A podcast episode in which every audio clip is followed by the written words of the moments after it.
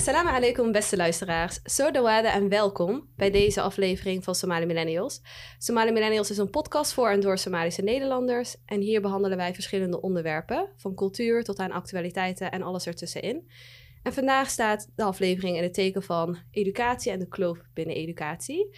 Mijn naam is Samia en ik ben hier samen met... Amina. En onze special guest van vandaag is... Jibril. welkom allemaal. Dankjewel. Um, ja, vandaag gaan we het hebben over educatie, over de kloof, over hoog en laag opgeleid uh, zijn en ook de rol van ouders daarin. Um, misschien kunnen we allereerst beginnen met de verschillende trends uh, die er zijn, zodat we ook uh, de luisteraars een beetje een indruk hebben van waar we het over gaan hebben, de dingen die we omheen zien. En dan kunnen we dan verder praten. Dus Amina. Ja, er zijn een paar trends. Uh, uh, ik ga een beetje uitleggen wat die trends dan precies inhouden. Maar steeds meer uh, leerlingen doen stapelen. En dat houdt in dat stel je voor je bent op MAVO begonnen. Dan gaan steeds meer mensen in plaats van gewoon MBO doen en te stoppen. Gaan dan bijvoorbeeld MBO doen, naar HBO en dan Unie of HAVO en dan HBO. Zeg maar, ze stoppen niet bij de ja, advies of bij de, opleiding. beginadvies hebben. Ja, daar stoppen ze niet. Ze gaan altijd verder. Ja, hmm. deze tijd dan vaak verder.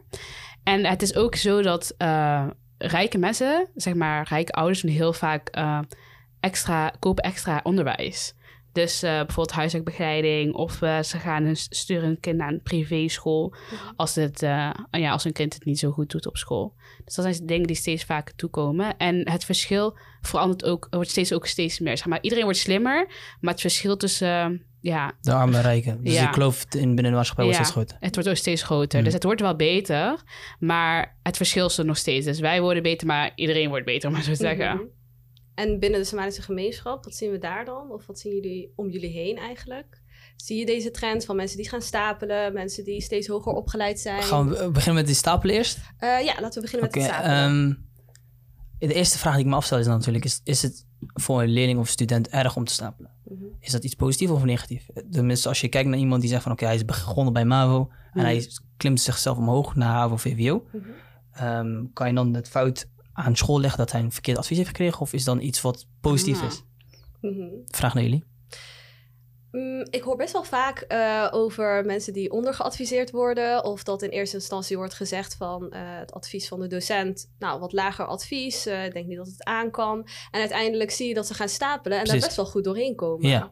En dan is het inderdaad de vraag van ja, waarschijnlijk zijn ze dan of onder, ondergeadviseerd. Het kan ook met leeftijd te maken Nee, hebben. ja. Hoe ouder je wordt. Of misschien sommige duurt wel even voordat ze ja, Ik- gewoon- mee ja, kunnen gaan. precies. Maar ja, dus ik denk dat het best wel vaak wel voorkomt dat mensen ondergeadviseerd worden.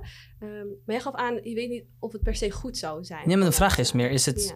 Want wat vaak gebeurt is, ehm, de, als een kind ondergeadviseerd wordt, dat het best wel veel hectiek mee, met zich meebrengt. Mhm. Als een kind MAVO-advies krijgt en hij uiteindelijk slaagt hij met een VWO-diploma, Mhm. dan krijgen we wordt meestal de, de, de schuld geschoven naar een school. En is dat, de, Mhm. is dat die juiste stap om te zeggen van, oh, kijk, mijn kind heeft zo gepresteerd Mm. Ja. en hij heeft zo'n advies gekregen. Dus het is een fout aan school of is het te maken met de evaluatie van zo'n kind die steeds beter wordt? Evaluatie van het kind, maar ook wat Amina misschien ook had genoemd als het gaat om eh, ouders die dan of bijles kunnen aanbieden of niet. Andere Nee, kinderen hebben dat weer niet. Dus ja, het is natuurlijk wel veel complexer dan Nee, dat. zeker weten. Ja. Maar wa- waarom kaart ik dit aan is omdat eh, binnen de Somalische gemeenschap dan zien we vaak als een kind een advies krijgt wat onder zijn niveau is, ja, dat neemt heel veel hectische Ja. dingen met zich mee. Ja. ja. Echt waar, echt, echt enorm. En ehm, ik ben meer van de mening van, ik wil liever een kind iets lager, iets lager niveau, dat hij zichzelf omhoog kan klimmen, Mhm. dan dat het kind naar beneden keldert. Want het naar beneden kelderen heeft zoveel negatieve effecten Ja. aan zo'n kind dan als hij van MAVO naar HAVO gaat. Ja. Want ik zie heel vaak kinderen die... Stel je voor, je hebt een kind die begint met HAVO-VWO. Mhm.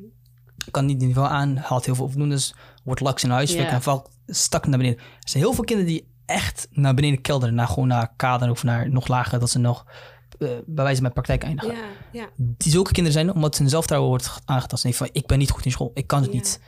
En ehm, alle scholen, alle basisscholen willen gewoon zoiets voorkomen. Dus dan adviseren ze altijd meestal op niveau en nooit een stap hoger of twee stappen hoger. Wat heel vaak de verwachtingen zijn van voornamelijk Somalische ouders. Ja. Ja, ja, ja. ja. Maar Misschien ja. kunnen we daar inderdaad ook wel over hebben. Van waarom is die verwachting er, denken jullie, van ouders, van Somalische ouders, dat ze graag willen dat hun kind een hoger niveau krijgt? Ik denk eigenlijk dat het ook gewoon is voor ze- zekerheid voor het kind zelf. Mm. Weet je, want als jij moslim Ja. bent en zwart en al die andere dingen, dan is het gewoon lastiger voor jou om het go- ook goed te maken met een normale baantje. Snap je? Ik Ja. bedoel, dus mijn, mijn ouders zeiden ook altijd van, weet je, ze kunnen niet jouw slimheid van je afpakken. Als jij in de band bent, dan kom je ook gewoon aan de beurt. Dus niet iedereen kan, weet ik veel, hoe heet dat? Misschien een hartchirurg zijn. Nee. Dus dan pakken ze gewoon de beste daar en dan zal jij die persoon zijn. Maar stel je voor, er zijn heel veel mensen die, ja, ik weet niet, was een goed Gewoon niet, maar wat je, Ja. wat je aankaart is een heel mooi voorbeeld. Maar je moet ook, onze ouders zijn ouders vanuit een vluchtelingen. Ze komen meestal Ja. uit eh, een hele andere situatie. Ze komen in Nederland, zien dat op arbeidsmarkt heel snel gevraagd van, oké, wat voor diploma's heb je? Wat voor ervaring heb je? Ja, Klopt. En waarschijnlijk hebben hun ervaringen opgedaan van... oké, luister, ehm, ik kom niet heel ver Mhm. zonder diploma.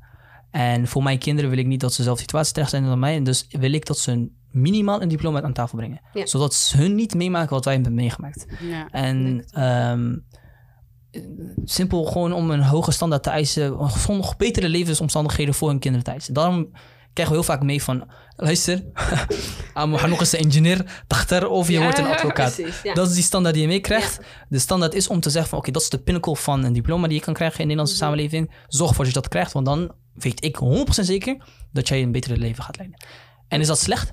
Nee, ik denk het Ik niet. ook hoor. Ik vind het ook niet slecht. Dus de Nee. conclusie is dat ze het voornamelijk doen voor onze eigen toekomst. Toekomst, en voor onze eigen. Want ja, dat is eigenlijk ook zo. Hè? Want ook als we kijken naar de cijfers, ehm, als we kijken naar mensen hun gezondheidsstatus en ook hoe het met hun in de gezondheid gaat op langer termijn, Ja, is opleiding wel echt een factor die daar eh, mee Zeker verbonden weten, is. Dus zeker hoe hoger opgeleid je bent. altijd. Ja, ik las ergens een zinnetje en dat, ik dacht, ja, dat is echt precies eh, wat het is. Ik pak het er heel even bij. Met, met, met gewoon is algemeen bekend. Mhm. Als je een beter diploma hebt, heb je een grotere kans op de arbeidsmarkt. En uiteindelijk ehm, zijn er heel weinig mensen die zonder diploma heel veel kunnen bereiken. En daarom, ik zeg eigenlijk de laatste tijd een trend die ik zie heel vaak zie, waar ik echt me verschrikkelijk aan irriteer, is dat social media trend van ik heb geen school nodig. Ja, Ja. Ja. En, irritant. eh, hoor je vaak. Ik vind dat irritant, omdat ik zie heel vaak, want met de kinderen waar ik bijles aan geef, zie ik heel vaak van, ja, maar hoezo moet ik dit doen? Hoezo heb ik het diploma nodig? Ik kan ook geld maken of ik kan ook dit doen, ik kan ook dat doen.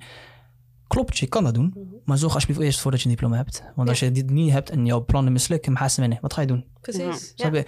En een diploma is een security. Zorg ervoor dat je een bepaald niveau hebt bereikt, dat jij door kan groeien binnen de arbeidsmarkt. Je kan allebei doen. Ik zeg niet dat je plannen aan de account moet houden. Nee, maar zorg ervoor dat jij veiligheidsreden...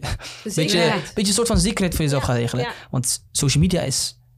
uh, oh, look at me, I don't need a 9 to 5. Ik Ja. heb dit Hè? en dat. Join Ja. my club. En Ik meestal is avond niet plichtig. afgemaakt. Ja, maar weet je wat eh, ook is? Ze laten alleen successtories Mm. zien. Maar hoeveel mensen zitten nu nog thuis Ja. en hebben niks? En dan zitten ze Dat van, zie je ja, nee, cryptocurrency, en dan hebben ze niks bereikt. Ja. Dat is dat stukje van... ehm, ja, het is weird. Social media meer die generatie. Dat maakt het een beetje vervelend. Je had het net al heel even genoemd, maar ik denk dat de luisteraars het misschien wel weten of misschien niet weten. Want je had het over kinderen die je bijles geeft. Want kun je daar wel wat meer over vertellen? Van wie je bent, wat je doet? En, Ehm, eh, ja, ehm, vier jaar geleden, vijf jaar geleden inmiddels, subhanallah, de tijd gaat snel. Mhm. Ehm, tijdens mijn studie gaf ik bijles wiskunde aan een paar jongens in de buurt. En ehm, dat groeide uit heel snel naar meer jongens die ook wiskunde bijles nodig hadden. En ik gaf les in zo'n locatie in, in Breda waar ze kinderen bij elkaar kwamen, Smileys community bij elkaar kwamen, zeg maar. En ze zagen gewoon, oh, Jabil geeft hier bijles. Dus hadden ze gevraagd van, oké, kan je ook mijn kind bijles geven? En zo ging de bal rollen. En voordat je wist, zat, zat er 10, 15 kinderen aan tafel ja, die allemaal bijles nodig hadden. mhm. Ik vond het leuk om te doen. Ehm wiskunde uitleg, rekenen uitleg, Nederlands voor basisschoolkinderen. Op zich vond ik echt leuk om te doen. Maar ik merkte gewoon van, oh, oké, dit wordt een beetje te veel in combinatie met mijn studie. Dus ging kijken van, oké, wat zijn alternatieven? Hoe kan ik ervoor zorgen dat die kinderen alsnog bijles krijgen op een juiste manier? Dus ik vroeg aan studenten om me heen van, juist, ze willen ook bijles geven. En zodoende een organisatie opgericht. Eh, inmiddels uitgegroeid tot een organisatie op verschillende steden, actief. Voornamelijk basisschoolkinderen, maar ook middelbare scholieren. MBO'ers die moeite hebben met rekenen en Nederlands. Maar ook HBO'ers, want heel veel HBO'ers hebben ook moeite met wiskunde. Die proberen ook te begeleiden. Ehm, dus ja, zo'n organisatie. En wij zijn voornamelijk bedoeld om bijles te geven. Maar wat wij de laatste tijd ook doen is dat stukje persoonlijk begeleiden aan ouders. Ehm, wij zijn een bijlesorganisatie bedoeld om les te geven. Maar wat wij vaak merken is, zodra je bij mensen thuis komt, dat ze meer ondersteuning hebben dan alleen dat stukje bijles. Dat stukje rekenen en het stukje taal. Zoals? Ehm, want ik kom bijvoorbeeld bij een Somalisch gezin thuis en vaak wordt mij gevraagd van Jubel, waar gaat in Achri? Of eh, ja. schrijf deze e-mail. Iets wat iedereen thuis doet voor een moeder en vader. Kijk, je hebt soms gezinnen die geen kinderen hebben op een bepaalde leeftijd die het voor hun kunnen doen. Precies, ja. En dus wat wij ook, uh, tenminste wat wij binnen een organisatie proberen te, aan te bieden, is dat wij hen ook persoonlijk in zulke situaties te kunnen begeleiden. Mm -hmm. En een stukje tolken. Want wat we dan doen is, uh, we gaan dan samen naar scholen toe en we voeren oudersgesprekken mm -hmm. met de student en hun ouders om voor te zorgen dat de taalbarrière tussen school en ouders wat uh, verminderd wordt. Ja, precies. Um, want we, eerlijk is eerlijk, als we kijken naar de Somalische community binnen in Nederland, heel veel, heel weinig ouders kunnen Nederlands taal. Mm -hmm. En um, ik ben van mening dat um, het goed informeren en goed bijhouden van de progressie van een kind op school mm -hmm. essentieel is voor de toekomst van een kind. Mm -hmm. Als een moeder en vader weet hoe zijn kind in groep 4, 5 functioneert, dan zal het in groep 8 heel veel meer profijt hebben dan als die gewoon zeggen, oh, snap je wat ik bedoel? Dus wij merken dat we hoe eerder wij in aanmerking zijn gekomen met uh, gezinnen, hoe meer profijt een kind aan heeft en hoe meer profijt een ouder aan heeft. Als je ook nog eens uitlegt van, oké, okay, luister, je kind heeft op zeven advies gekregen, wat is een advies? En hoe zit dat in elkaar? En, um, wat voor impact heeft Wat heeft impact voor, precies, wat kan hij daarna doen? Wat is mbo, weet je? Mm -hmm. Vraag 9 van de 10 ouders, als je vraagt van, Habir, uh, je kind heeft kaderadvies. Ze weten echt niet wat het nee, is. Nee. Ze weten echt niet. Mm -hmm. De Nederlanders zelf weten soms niet wat de verschillen zijn tussen die niveaus. Laat staan iemand die gevlucht is uit Somalië, die in Nederland uh, een hele nieuwe op toekomst moet opbouwen en dan te horen krijgt van, joh, er zijn acht niveaus. Ja. Leg maar uit wat acht niveaus zijn. Precies. Weet je? Ja, ja, dat, Dat is, iets wat ze gewend zijn. Ja. Precies. En de begeleiding krijgen ze niet van school. Mhm. School gaat ervan uit dat ze weten wat het is. Mhm. En die taalbarrière, dat onderscheid, daar zitten wij ook een hele groot probleem in. En wij Mhm. proberen ze daar ook te ondersteunen. Dus ja, En je gaf aan dan de rol van de ouders is daar ook belangrijk eh, in. Ja. Dus als het gaat om als de kinderen, als ze weten wat hun kinderen, eh, waar ze precies mee bezig zijn, eh, wat voor adviezen hebben gekregen, dat uiteindelijk dat de resultaten dan ook beter zijn. Ja. Want wat voor begeleiding of ondersteuning hebben kinderen dan nodig, waardoor je ziet, of vanuit de ouders, waardoor je ziet van, oh, dat, nou gaat het al beter. Alleen maar omdat ze weten hoe het systeem in elkaar zit. nou, ehm, dat is een stukje druk. Mhm. Want st- eerlijk eerlijk, sommige ouders zijn echt hard. Ik kom dan bij mensen thuis en dan krijgen ze een kind krijgt bijvoorbeeld een kader MAVO-advies. Mhm. Maar ze verwachten een VWO-advies. En dan hou je gewoon de, maar don kan viri. Wallah, ik echt, Oh. ik word er echt gek van. Echt heftig. Ja. Man, eerlijk is eerlijk, hoor je soms, sommige ouders zijn echt hard, Hard. op hun kinderen. Ja. En Omdat ze anders, gewoon is een andere cultuur. Ja. Weet je, ze verwachten niet dat een kind van 8, 9 of Ja. 10, of een kind is meestal 11, Mhm. dat hij sterk in zijn voeten staat. Weet je, en ze krijgen dan een advies mee thuis. Ouders zijn dan niet tevreden. Ouders zullen dan heel veel druk op kinderen leggen, wat ik zelf echt niet vind. kunnen. Weet je, dat is praktisch onlogisch. Jongens van 11 of 12, een meisje van 11 of 12.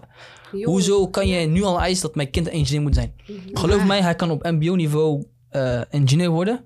Veel slimmer dan hbo's, omdat ze meer praktijkervaring hebben en uiteindelijk nog veel meer geld kunnen verdienen dan een hbo. Mhm. Het heeft met zicht te maken. Als ze niet weten wat opties zijn met een mbo of met een hbo, dan eisen ze dingen wat ze niet eens weten wat het is. Ja. En ehm, hopelijk eh, zullen er meer mensen zijn die zeg maar, dit stukje uitleggen. Mhm. Want dit is echt vijf minuten gesprek. Ja, dat je van, ja, Habir, kijk, dit is kader, dit is basis, dit is HAVO, dit is MAVO, dit, Ja. dit gebeurt dan daarna, dit gebeurt daarna. Mhm. Als een kind bij kader begint, geloof me, hij kan misschien twee jaar lang over doen, maar hij zit op HBO. Hetzelfde als die kind van de HAVO. Mhm.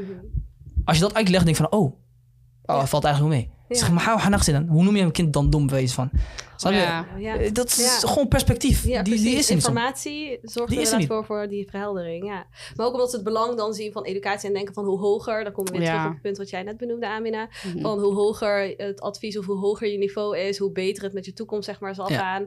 En dat zit er zo erg in, ja. in plaats van... Maar eh, ik heb ook een vraagje, hè, want kinderen die kunnen zelf normaal gesproken niet goed plannen en zo. En eh, het is gewoon bewezen, zeg maar, ze gaan liever buiten spelen dan dat ze aan school werken. Maar weet je wat het is, als jij elke dag naar huis gaat en dan, weet je wel, huiswerk gaat maken, weet je wel, daar streng in bent, dan kan je best wel veel uit een kind halen, Oh, zeker maar. weten. Maar, Maar- ja. Zeg maar, zou je dat gewoon adviseren? Of zou je Nee. zeggen van, hè, nee, MAVO, is, MAVO kader is voldoende, Nee, kijk, uh, uh, laat ze ja. MBO doen? Of zou je zeggen van, hè, als We hij... kunnen nog pushen. Kijk, wat Ja. ik sowieso adviseer aan kinderen is... ehm joh, het is een basisschoolkind. Ja, Hij is niet aan een basisschoolkind dat zij of hij haar toekomst... Tenminste, haar jeugdjaren helemaal focussen op school.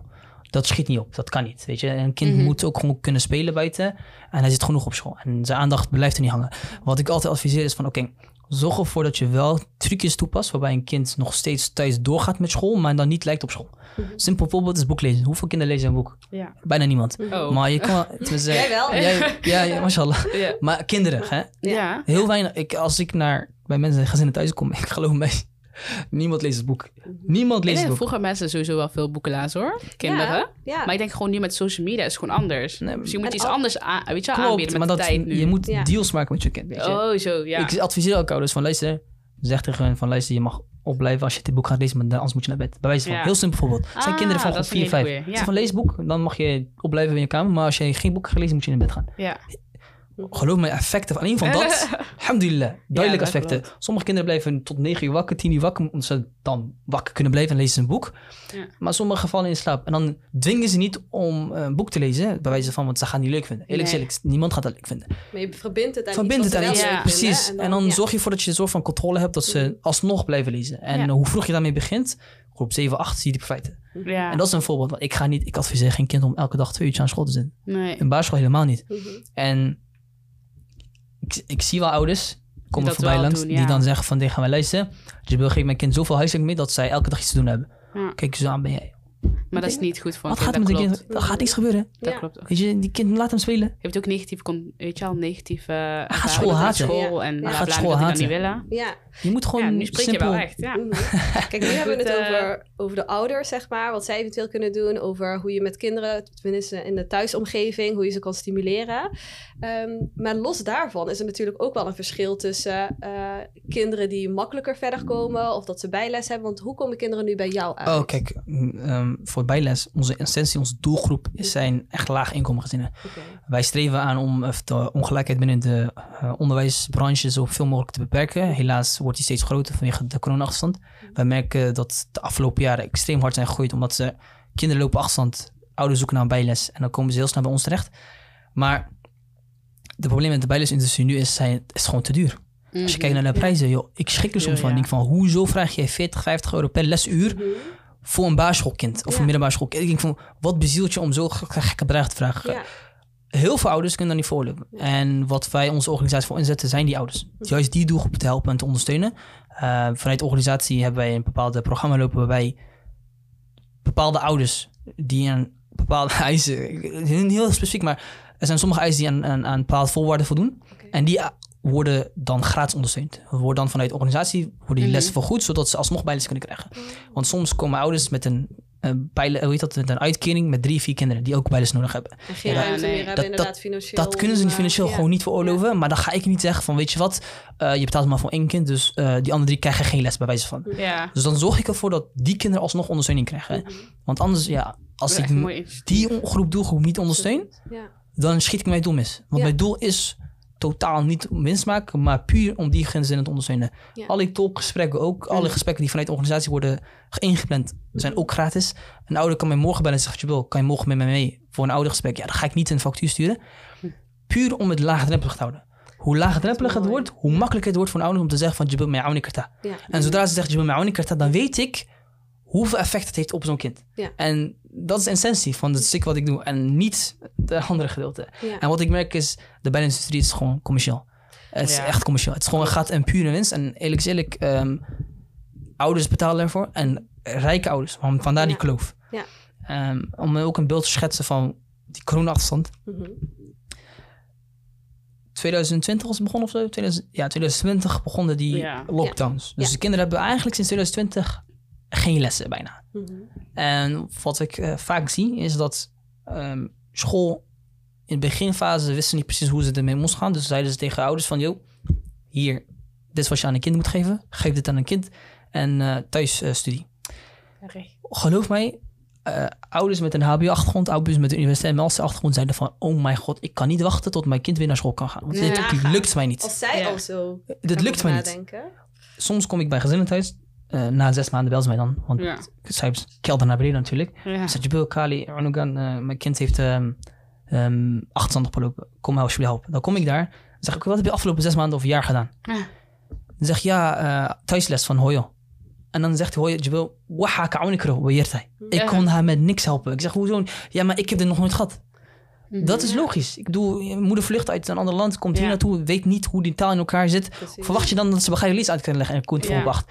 Of aan een kind van MAVO 1 uitleggen van hoe dat ding is. Precies. Kijk maar. Kijk maar wat je doet. Dat werkt niet. Nee. Dus je moet je voorstellen, kinderen die thuisleg kregen met, met ouders met een migratieachtergrond en kinderen die met een eh, autochtone gezin vandaan Mhm. komen, lopen al achterstand. Ja. Dus de verschil is groot. Mhm. En die verschil wordt alleen maar groter omdat ouders met een masteropleiding, HBO-opleiding die geld hebben, denken van weet je wat, die 40 euro van bijles, kom alsjeblieft, kom vier uur per week. Ja. They don't care. Because hen weten, die vier uur per week scheelt hun tijd en weten dat het kind omhoog gaat worden. Ja. Ja. Tegen een moeder van, met vier kinderen die één laptop heeft voor Ja. al die kinderen. Ook dat. Die dan nog eens eh, financieel echt in de knoop Mhm. zit. Echt ellende. En dan die gat wordt alleen maar, wordt steeds maar groter. Mhm. Dus ja, dus die corona heeft nadelige, voor, eh, nadelige effecten gehad op zulke gezinnen. En eh, tijdens corona is het alleen maar duidelijker geworden. Ja. Dat is echt inderdaad heel erg heftig. Want je gaf al eigenlijk al aan, er was al een kloof. Ja. Er is al een kloof. Ouders die al hoger opgeleid zijn of het geld hebben, kunnen en zelf hun kind helpen. En daarnaast ook nog eens Bijles. hebben de Ja. financiële middelen om ook nog eens ervoor te zorgen dat ze een hogere opleiding, eh, of tenminste dat ze bijles krijgen, waardoor eigenlijk de resultaten allemaal beter worden. En dan nu ook nog eens met corona, zoals je al zegt, als je een gezin hebt met drie kinderen en er is maar één laptop. Ja, het is alleen maar, het, het is echt financieel ehm, maakt duidelijk een verschil. Ja. En dat is duidelijk, eh, iedereen weet dat, is logisch. En, ehm, maar ja, onderwijs moet nog steeds een, laten we zeggen, gelijke veld zijn, vind ik zelf. Maar is het niet. Die Ja. kloof is er, die ongelijkheid is er. En de vraag is, hoe haal je die ongelijkheid weg? Precies. Ja, kleine stapjes. Ja. Meer kan je niet doen. Weet je, je kan eh, Jullie bieden eigenlijk al een stap. kleine stap. maar. eh, Ja, weet je, en het, we merken een effect. Ik zeg eigenlijk als eh oude belt van Arnold, mijn kind heeft deze advies gekregen naar aanleiding van al die les die je hebt gegeven. Het, is, het, is, het heeft gewoon, it just feels good, hè? Maar weet je wat wel een dingetje is? Eh, Zeg maar, eh, bijles is echt een heel goed idee. Eh, je hebt wel mensen in de buurt en je hebt nu in meerdere steden. Maar dit is wel een structureel probleem. Oh, dus. Het, het is gewoon niet alleen op de basisschool, ook op, op de middelbare school, ook op HBO, ook op MBO, ook op Unie. Er zijn altijd problemen als jij zeg maar van een lage, ja, als minder ja, lage inkomen huishouden komt. Ja. Wat, wat denken jullie dat zeg maar wat ze zouden kunnen doen hiertegen? Of wat denk je dat een passende oplossing is? Of wat zouden ze er rekening mee moeten houden? Oh, goede vraag. Dat is echt inderdaad een lastige. Want ik denk dat de overheid daar dan wel echt een rol eigenlijk mee in moet spelen. Mhm. Maar dat zal niet echt gebeuren. Want zolang er inderdaad geld te verdienen is... en of het nou bijles is of naar eh privéscholen... Ja. Ik heb laatst ook gehoord dat er zelfs voor basisschoolleerlingen... Oh, dat er ook privéscholen is waarbij je 20.000 euro per Dat jaar betaalt... je omdat je bang bent dat je kind van drie een beetje achterloopt. Jeetje. Dus als jij daarmee, en dat is alleen nog maar de Mhm. basisschool op een ontzettend jonge leeftijd, waarvan je denkt: dit is juist het moment om te leren en om te groeien en de tijd daarvoor Ja. te hebben. En zoals je al aangaf op de middelbare school en ook op Unie Ja. zijn er ook alweer zaken. Dus bijvoorbeeld, je hebt honors programs, wat ontzettend goed zijn, maar dat is ook iets wat je een stap vooruit zet. Eh, of wat je op je cv hebt staan, de extra activiteiten die je kan doen. Dat is ook alweer, heeft ook alweer een rol met jouw inkomen. Want als Hmm. jij vanuit een gezin komt waarbij dan niet heel veel, ja, een hoog inkomen is en je wil ook niet lenen, wat ja, is Ja. gezien ook alweer een beetje een lastig punt is, Ja. dan moet je wel een bijbaantje hebben, Ja. Zolang je, zodat je gewoon je studie kan doen. Maar dat gaat natuurlijk wel weer af van de tijd waarbij je kan, dat je eh honors program kan doen misschien, of Mhm. dat je eh, eh, eh, een, een, hoe noem je dat, bestuursjaar kan doen. Of eh buitenlandse reizen ook nog eens. Dat moet je dan ook nog eens de financiën voor hebben. Of een scholarship. Maar dan, hè, dan, dan kun je ook niet meer je bijbaan Ja. vasthouden. En dat is niet iets wat je terugziet. Terwijl als je gaat solliciteren, dan wordt er wel gekeken naar wat heb je eigenlijk allemaal gedaan. Ja. Hoe Mhm. eh, bijzonder en flashy is je cv. Ja, ja, klopt. Welke studentenvereniging heb je gezeten? Welke Ja. studentenvereniging heb je Is dat- gezeten? is dat ook cool? Dat is eigenlijk een grote ding. Ja. Weet je wat het is? Als je in een studentenvereniging zit, of wat ik om me heen zie is... Ik heb een vriendin dan, die zit in een studentenvereniging. En ze is best wel grote. En ze hebben heel vaak van die gala's. En dan komen ook heel vaak alumni. Dus de mensen die daar ooit in hebben gezeten. Mm. En die studentenverenigingen, die ouders, die opa en oma... hebben er ook nog net in Ja. gezeten. Ja, En het is zeg maar... Die mensen die daarin hebben gezeten, die hebben nu echt topjobs. Weet je wel? Die hebben echt best van de beste banen. ze zijn automatisch een netwerk. Ja, eh, is, de netwerk daar is crazy. Want dan Oh. kom je daar en de helft, een heel klein deel is eigenlijk jong, de rest is oud. Je gaat met iedereen praten en dat zorgt er ook wel voor dat je hoger eh, uitschiet. Maar de mensen in de studentenvereniging, om daar binnen te komen überhaupt, Mhm. nou denk maar dat daar eh hij niet maar bij zit. Nee, die zitten echt niet tussen. Ja, als Ja. je de ontgroening doorkomt. En, Wat? eh, en ik zeg eerlijk, kent. Misschien omdat... Dit is, een- ik wacht, dit is aan Amerika. Ik, tenminste, ik Ja. zie het op tv dat in Amsterdam zulke dingen gebeuren. Ja, Maar eh, ik heb niks Ja. meegemaakt. Tenminste, eh, technische opleiding misschien, daarom. ja, ja, I don't dus- know. ja, ik weet, het, ligt, het is echt gewoon de stad. Het ligt aan welke student, of het een Mhm. student is niet, of niet. Maar bijvoorbeeld die in Groningen. Breda is gewoon lid. Oh, Groningen, Ja, Amsterdam, hoe heette die in. Groningen ook alweer? Weet ik niet. Ik kan wel weer Vindicat opzoeken. of zo? Maar om daar binnen te komen, volgens mij was dat ook best wel heftige dingen Oh, die je nou, daar in vond- België moest, iemand eh, ik ging bijna dood. Ja? Ik zeg eerlijk... Eh, eh, hij ging dood. Oh, eentje, ging overleden, Overleden. eentje was overleden. Erg. Kijk, ik zeg eerlijk... eh, Ja. mij Ja? niet gezien. Ik Nee. zweer het niet. Eh, het zal dat, ik ga niet zweren of zo, Ja. maar... eh. Ik vind het ook niet iets goeds. Ja, maar weet je, dus bouw je niet op... eh, Tenminste, een netwerk kan je op een andere manier vinden, vind ik. Dat klopt wel. Dus dat moet je... Dat hoeft niet per se via zo'n manier. Je hebt ook studieverenigingen, maar inderdaad, je hebt niet het netwerk. Ja. En Maar dat netwerk- die netwerk van die alumni, je Ja. zal wel zelf netwerk Precies. creëren uiteraard. Ja. Er zijn zoveel Maar dat is anders hoor, een eigen netwerk. Ja, Klopt, weet je. Sorry al- dat ik het zeg, maar... maar eh, wij... Ja, oké. ja, zeg het. I. Ja. Weet je, dat is ook bijvoorbeeld die honest projecten en al die andere dingen. Zeg maar, wij kennen onze kringen. Wij Mhm. hebben kringen en oké, we, hebben- we kennen mensen die goed, het goed doen. En wij, onze ouders kennen ook mensen die het goed doen. Mhm. Maar bijvoorbeeld die kringen die eh, zorgen er wel voor dat je in andere, ja in andere, plekken, komt. andere Ja. kringen komt. Ja. En het is ja, hoe meer, hoe beter, denk Zeker ik. weten. Ja. Maar dat is, dat is belangrijk. Ik merk ja. met z'n- hoe vroeg je begint met het netwerken en Ja. meer nieuwe mensen leren kennen, hoe meer profijt je hebt aan de rest van je leven. Ja. En heel veel mensen vinden het lastig om die netwerk te beginnen. Ja. Maar zodra je het begint, dan merk je van, Ja, oh, het gaat eigenlijk makkelijk. Ja. Ik wil meer. En dan ga je verder zoeken, want het helpt wel. Helpt. dat helpt wel. Dit zijn echt allemaal punten die helpen inderdaad. Als het gaat om ouders uitleggen hoe het Mhm. systeem werkt, het Oh, schoolsysteem werkt, van eh, thuis eh, zoveel mogelijk kunnen helpen. Eh, geweldige initiatieven zoals jij die hebt, als het gaat om bijlessen geven en ook mensen met een laag, tenminste niet de financiële middelen hebben, maar ook adviezen geven aan mensen die wel nu aan het studeren zijn of aan het Mhm. werken zijn. Van je netwerk is echt ontzettend belangrijk. Kijk wat voor extra dingen je Ja. kan doen. Bestuursjaar, ik heb een bestuursjaar Ja. gedaan. Ik hoef er niet zo heel erg veel voor te doen. Echt maar een paar uurtjes Oh. per, per week. En je kan tegenwoordig zijn we ook alles gewend om het online eh, te Mhm. doen. Dus ja, je hoeft ook niet meer fysiek ergens aanwezig te zijn. Mhm. Dus misschien tussendoor doen. Maar het is nog steeds wel een probleem. Want ook Maar al onderwijs, gaan wij ja. ons... Maar de onderwijs zelf, hè. Ja. Als ik kijk naar de onderwijssituatie in Nederland nu, er zijn rapporten van naar voren gekomen over dat Nederland achterloopt op Nederlands en begrijpt lezen en rekenen. ja. Ik zeg eerlijk, ik geef nou een aantal jaar les Mhm. en ik kijk soms naar wat ze geven en begrijp lezen of woordenschat of weet ik veel wat. Ja. Dan denk je van, wat is het? Oprecht, wat, wat is het? Hoog niveau of laag niveau? Mm, eh, het is nutteloos. Oh, ja, dus qua... Eh, qua, qua waarde. Je, je, je, wil, je verwacht bijvoorbeeld rekenen. Heel vaak, heel veel leerlingen hebben moeite met redactiesommen. Mhm. Het zijn meer puzzels dan eigenlijk dat ze kind leren rekenen. En heel Mhm. vaak worden kinderen die niet eens de basisfundamenten kennen, worden gevraagd om puzzelsommetjes uit te rekenen. En dan denk je van, waar is de structuur? Hoezo? Weet je, de, er loopt, er is echt, ik zie die achterstand. Mhm. Corona heeft er wel veroorzaakt, maar dat kan je niet alleen aan corona verwijzen, want je kan het ook verwijten aan de, de huidige situatie van de Nederlandse onderwijs. Mhm. Heel vaak zie je dat eh, studenten, hoe heet dat, scholen tekort hebben Mhm. aan docenten. Docenten worden onderbetaald. Docenten hebben veel slechte cao's. Ehm, daar mogen ze zeker meer aan doen. Ik bedoel, werkdruk van docenten. wallah, Ik heb alleen maar meer respect nadat ik les heb gegeven. Ik heb Mhm. sowieso al respect voor ze, maar nu alleen maar meer. Mhm. Want probeer maar vier kinderen of vijf kinderen die in groep 5, 6 zitten. Even een uurtje stil te houden, dat, gaat, dat is moeilijk. Dat vergt veel energie. werken. Er staan een hele grote groep. Ja. eh, Laat staan een groep van 30 eh, kinderen. plus, Ja. En heel veel docenten nemen hun huiswerk werk mee naar huis. Mhm. Vergis je niet, ze maken die, die nakijkenwerk en de eh voorbereidingswerken die daaraan hangen, dat doen ze thuis. Soms, onbet- ik denk niet betaald, heel vaak. Weet je, dat zijn dingen van ik van, joh, eh, fix dat als overheid. Mhm. Dat zijn dingen wat jullie kunnen fixen. Dat zijn dingen wat jullie horen te fixen. Om het onderwijssysteem soort van te verbeteren. Want als we zo door blijven gaan, ja, die achterstand wordt helemaal groter. hè. En ja. Omdat je nu aangeeft van als educatie zelf eh, onder de maat is, maar ook de docenten niet de mogelijkheid hebben om eh, echt Kap ja, vol, les hè? te kunnen geven Ja, maar in een vol, groep die... ja. ja. Is het echt vol? Misschien is dat ook wel de reden waarom mensen die een hoger inkomen hebben of hoger opgeleid zijn, dan ook bijles geven aan snap kind ik. automatisch Nee, eigenlijk al. Maar, maar de, de hoeveelheid percentages Ja. van mensen die bijles krijgen de afgelopen Mhm. jaar is zo hard ja. gestegen. Mhm, Afgelopen jaar zijn wij ook nog, alhamdulillah, we zijn, goed, we zijn gewoon hard gestegen. mhm. Maar dat komt omdat zoveel kinderen les nodig hebben. En elke kind die aanschrijft, heeft les nodig. Ja. Ja.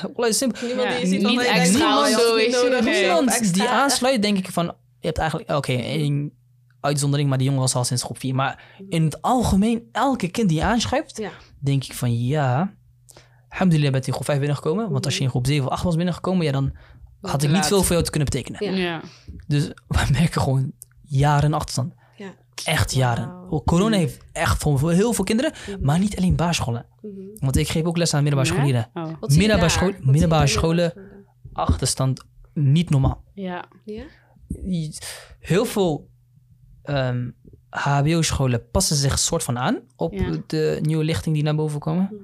Maar heel veel niet. Ik bedoel, volgend jaar, wat gaat er volgend jaar gebeuren? Want dit jaar hebben ze de BSA weggehaald. Die eh, beslist, Mhm. de- binnen de studieadvies hebben ze weggehaald, toch? Dit jaar. Ja.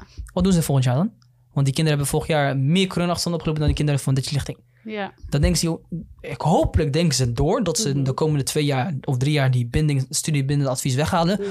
Want geloof mij, de lichting die nu aankomt, heel veel hebben nog steeds achterstand. Mhm. Want ze mogen een vak wegstrepen. Ze mogen heel veel dingen doen. Weet je, dat, Ja? Ja, ze mogen twee herkansingen doen voor de examens. Ze mogen dingen ja, ze mogen veel dingen. En ze mogen uitspitten, maar dat, je mag dat ook wel verwachten. Ja, weet je hoeveel, zeker. hoeveel, weet je hoeveel leerlingen moeite hebben omdat ze twee jaar lang thuis zaten. Ja. En soms moet je beseffen, hè, die thuissituatie voor heel veel kinderen is ook niet plezant. Nee. Weet je, dus dan heb je nog eens dat bovenop je hoofd Mhm. aan een kind die net 15, 16 is. Dus Mhm. het is een gelaagd probleem. Ja. En ehm, MBO'ers, maar ook HBO'ers mogen wel nadenken van oké, hoe gaan we dit, eh, Hoe gaan we dit hoe gaan we dit even aanpakken? Want de lichting die nu aankomt, niet iedereen, hè, zijn uitzonderingen, maar algemeen, ik zie de niveauverschillen duidelijk. Het is wel lastig als je aangeeft van als het educatieniveau zelf al eigenlijk tekort schiet. Kijk, nu door corona, dat was iets wat iedereen Ja. ineens is overkomen. En ook scholen natuurlijk, dus daar moet ook naar gekeken worden. Maar als er al iets mist in de educatieniveau, eh, educatie zelf. Ja. En bijles is niet eens meer iets extra Nee. bij Nee, nee. Het moet, hè? het basis. Dat wordt zeg Ja, maar, gewoon nodig inderdaad om de basis eh, Klopt, maar ik merk gewoon zelf. Ik merk zelf gewoon omdat ik kan scholen niet kwijt. Mhm. Je kan niet verwachten aan dus een docent dat ze 25 leerlingen Nee. even effectief les kan geven. Ja. Kinderen die achterstand hebben, sorry, maar ik moet door. Ja. Want die andere tien kinderen gaan niet op mij wachten. Mhm. Die uitleg moet ik nog steeds geven, dus Ja. hasmena. Ja. Weet je, wat kunnen ze doen? Nee. Niet veel, dus ik Nee. kan ze niet fight. Ja. Sowieso, eh, als ik eh, puur met mijn paar jaar ervaring in le- onder- onderwijs... Twee dingen wat ik haat. Mm. Haat is gewoon echt oprecht. Ik vind het echt verschrikkelijk. Oké. Toetsen aan basisschoolkinderen. Ja. Ja, I don't like it. Moet Ik vind het verschrikkelijk gewoon. Omdat, ten eerste, je vraagt een kind van groep eh 4, 5, 6, 7, Ja. 8, gaat daar groep 8. Ja. Zijn veel te jong om toetsen te maken. Dat is, kijk, meer, dan kijk ik puur aan de druk die kinderen voelen op zo'n jonge leeftijd. Adviseer ik, om, ik adviseer de onderwijs en alle andere mensen die ik aanzie, joh, fix die systeem. Want Ja. er zijn proven alternatives. Kijk naar eh, Finland. Ja. Heel die systeem is heel anders. Daar toetsen ze volgens mij pas vanaf 16 jaar. Denk ik uit mijn hoofd. Ja. Ik weet niet Oh. zeker, die onderzoek heb ik niet helemaal uitgebreid gelezen, maar ik zie dat er alternatieven zijn. Ja. En de Nederlandse in- eh, onderwijssysteem, wij zijn het enigste land ter wereld met acht verschillende of zeven verschillende middelbare scholenniveaus. Ja. Dat zijn ook dingen van, what are you doing, weet je? Mhm. En als je zegt die toetsen, bedoel je dan de CITO-toets of bedoel je gewoon toetsen in het algemeen? Op Toetsen in het algemeen vind ik eh, te veel druk op een kind. Mhm. Want mentaal is dat volgens mij niet heel handig voor een kind van groep Mm. eh 6. Gaat groep 7, die kinderen van groep 7. Want ze krijgen adviezen binnen, ze Ja, kijken om hen heen. Ja. Ze kijken om me heen. Dan krijgen die jongen die dan thuis aankomt en die moeder schat haar zoon uit van wat, Mm. je bent de mina schat hij. Zulke dingen, dat gebeurt Ja. niet één keer. Nee. Dat komt omdat je zo'n kind toetst en een niveau bepaalt. Oké, Mhm. ik snap dat dat moet.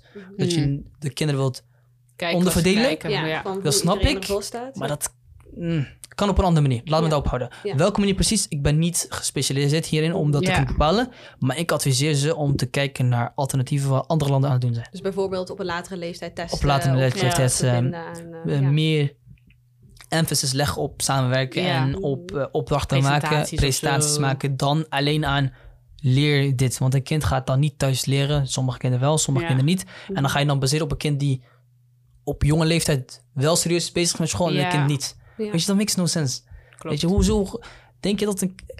Er zijn twee kinderen, eentje is acht jaar en de andere is ook acht jaar. Eentje is allebei dezelfde capaciteit, maar één heeft minder zin om iets te doen dan de ander. Mm.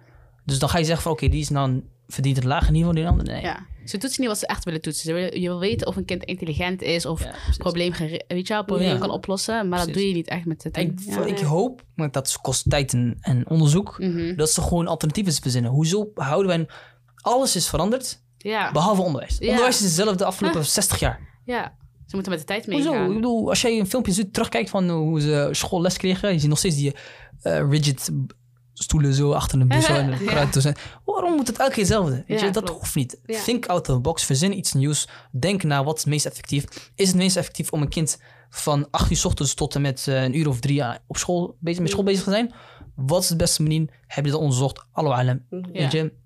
Maar Dat experimenteren, dat kan inderdaad geen kwaad. En kijken Nee, wat, voor, eh, wat wel effectief is of niet. Ja. Ik denk dat het tijd is voor een stelling. Ja. Eh, laten we eens even kijken welke stelling eh, we als eerste kunnen bespreken. Ehm, ik heb hier één.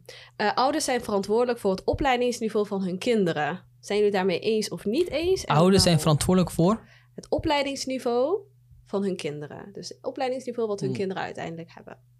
Nee.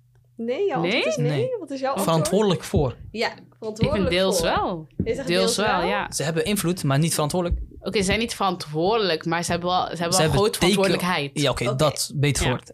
Ze hebben zeker weten een grote verantwoordelijkheid. Ja. Ouders hebben tools om ervoor te zorgen dat het kind wat beter presteert. Mhm. En een van die tools is de juiste manier van communiceren. Ja, oké. En het accepteren dat ik sommige kinderen eh, niet hoger dan basis kunnen presteren. Mhm. Mhm. Of niet hoger dan praktijk kunnen presteren. En dat Ja. ze tevreden zijn met zo'n kind. Mhm. In plaats van Ja. bashen. Ja, Dat is eh, voor mij ook een Ja. verantwoordelijkheid. ja, maar ik vind ook dat het belangrijk is dat je wel gewoon Pusht. het beste uit je kind haalt, hoor. Mhm. Je, dat is, eh, de structuur is ook heel belangrijk hiermee, denk ik. dat de ouders de structuur bieden Ja. voor het kind. En Ja. uiteindelijk dat dat ook weer invloed Zeg heeft maar, op een je kan, niet, je kan niet alleen zeggen van, oh, wacht maar, oh, en nee, dan niks klopt. meer, weet nee, toch? maar Ja. dat is wat ik net zeg. Je, Ja, je en dan stimuleert niks een kind doen of zo, ja. door te, een boek te lezen, samen een boek te lezen, Ja. samen huiswerk van school te maken. Ik zeg niet elke dag aan school werken, maar dat betekent niet dat je niet aan school moet werken. Nee, nee, nee. Dus je af en toe, laten we zeggen, een dag kiest van, laten we zeggen, elke vrijdagavond Gaan heb je een momentje van, we gaan lezen. boek lezen of we gaan Ja.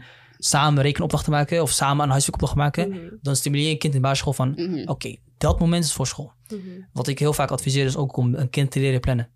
Ja, Heel dat is heel, Heel vroeg. Ja. Als je een kind heel vroeg laat leren plannen, oh, maar zoveel profijt. Ja. Maar weet je, dit, Maar wij zijn ook anders, hè, weet Ja. je. Want meestal zo'n kind zit ook op Koranles. Ja. Dus wat ik ook adviseer is, combineer die twee.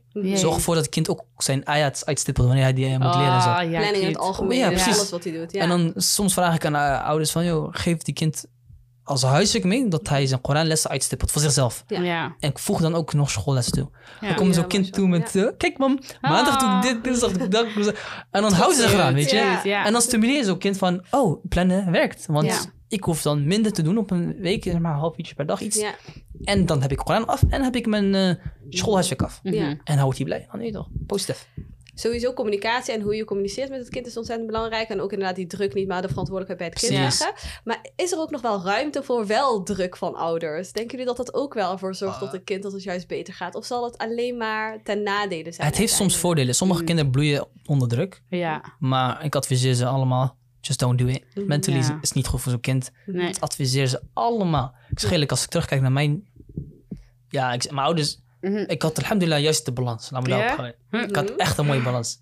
Hoe kan ik uitleggen die balans? Ehm, mijn vader was strikt. Als in, Jubil, ik, ik weet toch, jij moet studeren. Je bent hier, je hebt de kans gekregen, anderen hebben niet gekregen. ja. Je, die die Die pep talk heb ik gekregen, toch? Ja, van het belang. Hey, het belang. Weet je toch, belang. Je, wat denk je toch? Mensen zouden springen om je te kunnen zitten waar jij nou zit. Maak gebruik van dit, dat. Die advies. Absoluut. En dan, dus ik voel druk vanuit mijn paaskant. En dan, soms zit ik dan studeren. Hoor je het tegen mij, waarom studeer jij? Is een joke. Je kan stoppen. Oh, ja. wallahi. Die Oké. balans het van... strijden? Belang. Zij Dat is van belang. Ja, ja. Dus ik zit zo te leren zo en zij ziet mij, ik ben de hele dag aanwezig. Mij, Ah, stop maar. Niemand gaat jou tegenhouden. Hoor ik het je kan thuis blijven. Ja. Wallahi zo. Ik sta gewoon, lekker tanken. Mij, maar hij moet Zij zegt Oh, letterlijk, kies maar een makkelijke opleiding dan. Wallahi zeg, kies makkelijke opleiding. Oh. Maar haas, maar hij moet Letterlijk zo. Moeders, mashallah. Nee, je. Ja. Ah, dus de difference tussen Abo en Hoi was duidelijk. Eentje was strikt en die andere was heel veel open gewoon. Ja. En dat is fijn. Waar had je Mhm. meer aan? Of had je juist wat aan de balans? Dat je het allebei moest horen? Kijk, want je hoort van je vader, maar ik hoorde van mijn vader van, joh, het is belangrijk. Mhm. En ik zag die belang er ook in. Ja. Dus dat zag ik. Maar het was fijn dat er geen druk was. Ja. Ja. Want ik ken mijn vader, hij zou ook makkelijk overtuigd kunnen worden. Als ik tegen hem zeg van, ja, ik stop ermee, dan zeg ik van, ja, oké, kies iets Ja. anders. Ja. Precies. Maar je weet toch, ik voelde zeg maar dat het vrij was om mijn eigen zelf te ontplooien. Ja. En die vrijheid was heerlijk. Mhm. Wow, echt geweldig. Het kwam vanuit positiviteit, allebei. Allebei. Weet je, mijn pa ja. wou het beste voor mij. Mhm. Mm. Maar hij was ook niet zo hard dat, ik... eh, moet, moet. dat moet, Ja. moet. Weet je, dat was hij nooit. Gelukkig. Hij was zeg maar van... Want hij wist... eh, van, ja, je, wel, je, Mm. je had geen moeite... Je hoefde me niet te adviseren om te studeren. Je wist Ja. zelf ik wist zelf, ik moest studeren. Ik Ja. wist zelf al die belang. En de vrijheid die ik kreeg van mijn ouders... In mijn gevoel alleen maar positief effect gehad. Ja. Maar eh, het kan ook negatief uitpakken. Dat Ja, je dan klopt. niks doet, weet je. Ja. Dat Ja. schiet ook niet op. Ja. Maar ja, Dat heeft weer met de persoonlijkheid van de persoon te maken. Ja. maar communicatie. Je weet wat je eigen kind Ja. nodig heeft, eerlijk is eerlijk. Wat, Als je hoe kind- heb jij het ervaren? Ja, ik heb geen kinderen, maar ik denk... maar wat je kind nodig heeft. Hoe ik het heb ervaren? ja. Bij ons was school wel heel belangrijk. Eh, maar we- wat we heel vaak deden, is we deden samen heel veel dingen. Maar dan was zeg maar, dan moest heel het gezin, weet je wel, Oh, ja, ja, ja, I feel you, I feel you. Ja, ja, ja. Dus dan was het bijvoorbeeld... we hadden tijdens een slecht handschrift. Dus eh, dan, dan keken ze altijd naar ons rapport. En dan was het gewoon altijd wel prima, bla, bla. Maar ons handschrift thuis was allemaal bijvoorbeeld slecht. En ik wist nog, we moesten, bijna elke avond moesten we aan tafel moesten we een boek schrijven. Weet je wel. Moesten we twee bladzijden opschrijven. Ja? En dan iedereen, ik en mijn broers en mijn zusjes, zaten dat te, weet je wel, te schrijven. Ja, ja, ja. En dan bijvoorbeeld gingen we daarna samen met onze ouders lezen, weet je wel. En het is, ik weet niet eens zo, weet je wel, hoe goed mijn level van Nederlands van mijn ouders was. Maar ik zat naast haar en ze ging met ons meelezen gewoon, weet je wel. Hmm, Dus ja. het, is ook wel een mooie Ja. herinnering om samen met je ouders te Zeker doen. weten. Ik herinner me ook hoor. Ik was slecht in uh, begrijpen lezen. Ja, Ik, kon, ik kon niet lezen. nee. Maar het- misschien ook een beetje... Maar in ieder geval, ik kon Uh-huh. niet lezen. Habo zei van, Kali, zo fris. Ja. Hij deed teletext. Oh, Hij deed teletext aan. ja. Hij zei, ik wil weten waar het nieuws de afgelopen week over ging. Oh my god. Dus Wow. Ik zit een week, letterlijk, eh, klik volgende. Ik zit voor te lezen, ik klik Ja. volgende. Hij zegt, wat, wat is gebeurd dan? Ja. Ja, wow. Dat is letterlijk Dat is zo... Hey, dat is heel... Ja. Ja. Dus ik zit die ding te lezen. Maar Ja. ik, ik zeg, ik ga niet, ik vond, ik wou niet lezen. Want ik Ja. een beetje verlegen, een beetje bang. Ah. Ik ga fouten maken. Ja. Dus als ik een woord verkeerd uitspreek, van, ik hoor Ali. Ja, aha. En dan, dus, dan zit jij, als het ware, samen Mhm. met je vader, doe je dan begrijp lezen oefenen op die manier. Mhm. En wat je net zegt, dat stukje verantwoordelijkheid van de ouders. Mhm. Ja, tuurlijk. Je ouders moet jou een soort van de tools en jouw ruimte en de middelen Ja. geven om jou te stimuleren. Om te, want school is belangrijk. We gaan dat dat niet klopt, ontkennen. vind ik zeker. En de belangrijkste voor mij is echt alleen de communicatie. Als communicatie goed is, joh, dan... De Als dat begrijpt en als jij als kind ook begrijpt waar je ouders vandaan komen en, jou, en jouw ouders ook wel begrijpen wat, wat jij allemaal mee, waar jij allemaal mee moet dealen. ja. Mhm. Want dat was bij mij ook zo. Ze zeiden altijd van educatie is echt belangrijk. Als jij Ja. een educatie hebt, dan komt het sowieso goed. Maar ook vanuit de mindset van eh, opvoeding. Ehm, en eh, ehm, dus dat je tijdens, je tijdens mijn opvoeding, dat ik dan ook dacht van, oh ja, goede educatie zorgt er ook voor dat je kritisch na kan denken. Dat je gewoon in het leven gewoon begrijpt hoe Nee, wat er in de wereld aan de hand, eh, hoe het gaat. En we zijn ook islamitisch, hè. Dus Ja, mijn ouders zeiden ook altijd van, dadal, dus doe je best. En voor de rest maakt niet uit wat het punt dan eigenlijk is. Precies. Dus ze zeiden nooit van, wat voor punt heb je uiteindelijk gehaald, Ja, zeg maar. Maar je oh. hebt wel je best gedaan. Oh. Dus of het nou een 5 is of een 8 zijn mijn ouders altijd van. Nee. Ik ga de dasje, wat je punt ook is. Maar meestal was het toch ook wel goed. Nee, nee, wel. gewoon reflecteren. Nee, je hebt gelijk. Ja, je- ik, tenminste, bij ons ging het iets anders. Cijfers werden wel gecheckt. We hebben Ze zijn- zeker gecheckt. Maar ook gestimuleerd. Ja. Ja. Want eh, ik herinner me nog, Abo had een nieuwe regel verzonnen. We zijn met z'n vieren toch geweest. Dus Ja. hij stimuleert iedereen. En hij zei elke keer van, jongens, iedereen die thuis komt met de 10 krijgt 10 euro van mij. Oh, Ja. Maar- incentive. Ja. Maar hij ging uit, toch? Hij zei van, klaar maar zien, weet je wel kan. Ja. Maar hij wist, 10 halen is moeilijk. Ja. Kan niet, kan niet. En helemaal, ik, was ik, was ik HAVO net begonnen, denk ik. Ja. En eigenlijk deed hij die regel puur alleen voor mijn klein zusje. Ja. Zo om haar te stimuleren om goed te doen op school. Want zij was Mhm. net, eh, volgens mij, eh, basisschool, weet je. En Ja. basisschool 10 halen is makkelijk. Ja. Zij komt elke week thuis. Oh, maar kijk, 10 gehaald. Alle gewoon van haar. Hey, dat is money aan het maken. Nee, joh, Dus zo. het stimuleert. Ja, weet je. En ja. weer eh, iets leuks combineren met school. Ja, Dat helpt. dat helpt Ja. echt. Dat helpt. Absoluut. In plaats van een kind uitschelden, boos te worden, Ja, in plaats van straffen. straf te geven. Mhm. Ja. Nooit kan soms, hè? Ja, kan wel. soms werken. Maar meestal, als je even met die kind op een slimme manier Positief pos- stimuleren. positief stimuleert, heb je meer profijt aan ja. dan negatief. Want dan resentment, dan gaat jouw eh Ja. school haten. En dan denk je, ah, Ja. wat, wat moet ik doen en zo. Precies. Ik denk dat dit een onderwerp is waar we echt Heel uren lang. over Ja. kunnen gaan praten. Misschien dat we hier een serie van eh, moeten maken. Ik ben ook wel benieuwd naar de luisteraars of zij dingen eh, hebben gehoord die herkenbaar voor hen zijn. Of dat zij misschien andere adviezen hebben. Dus eh, voor de mensen die luisteren via Instagram. en vers- ja, verschillende kanalen eigenlijk. Maar voornamelijk Spotify. Instagram, Spotify. Eh, maar via Instagram kun je wel ook een berichtje achterlaten. Of ons een bericht sturen Ja. van eh, wat je van deze aflevering vond. En eh, wat jij eigenlijk allemaal als ervaring hebt eh, meegekregen. Misschien kunnen we wel afsluiten met eh, wat voor advies zou je geven rondom educatie met degene die luistert. Of dat nou jongeren zijn, of dat nou wat oudere mensen zijn. Eh, wat voor advies rondom educatie zou je geven als laatste? Van laatste advies. Ja. Ehm, voornamelijk gericht aan de allochtone gemeenschap. Mhm. Als je merkt dat ouders soms het systeem niet begrijpen, schoolsysteem, voer even een vijf minuten gesprek. Zeg van, weer, kijk, zo zit het in elkaar. Mhm. Want trust me, dat gaat effect hebben op de, haar kinderen en misschien ook andere gezinnen. En Ja. dat de woord gaat verspreiden. En Mhm. hoe meer dat woord verspreid wordt van kader is niet erg. Mhm. Tranquil, chill out. Ja. Dat is de enige advies die ik kan geven. Dus explain it to de andere generatie. Ja. Dat helpt. Dus eh, mensen allemaal doen. En Amina? Ik zou zeggen, doe je best. Maar er zijn ook al meerdere wegen die naar Rome leiden. Mhm. Dus zet er niet te veel druk op, want het Mhm. komt uiteindelijk toch wel goed. Ja. Precies. Ja. Exactly. Ik zou ook zeggen, doe gewoon je best en eh, meer kan je eigenlijk ook niet doen. Mhm. En ga met elkaar in gesprek. Eh, misschien heeft iemand anders een advies of een Ja, tip. Ja, of, eh, en uiteindelijk ook, zorg ervoor dat je een netwerk opbouwt. Oh, Ja, zeker. Zeker. ook naar Ja. buiten. Als Zeker je dat weten. voor elkaar kan krijgen, Een netwerk dan, zeker belangrijk. dan zit je Ja. goed. Ja. Nou, dus ja, ik wil jullie eigenlijk eh, bedanken voor het gesprek en ook eh, de luisteraars bedanken. Eh, wij zijn ja, inderdaad heel erg benieuwd naar wat jullie van dit onderwerp vonden.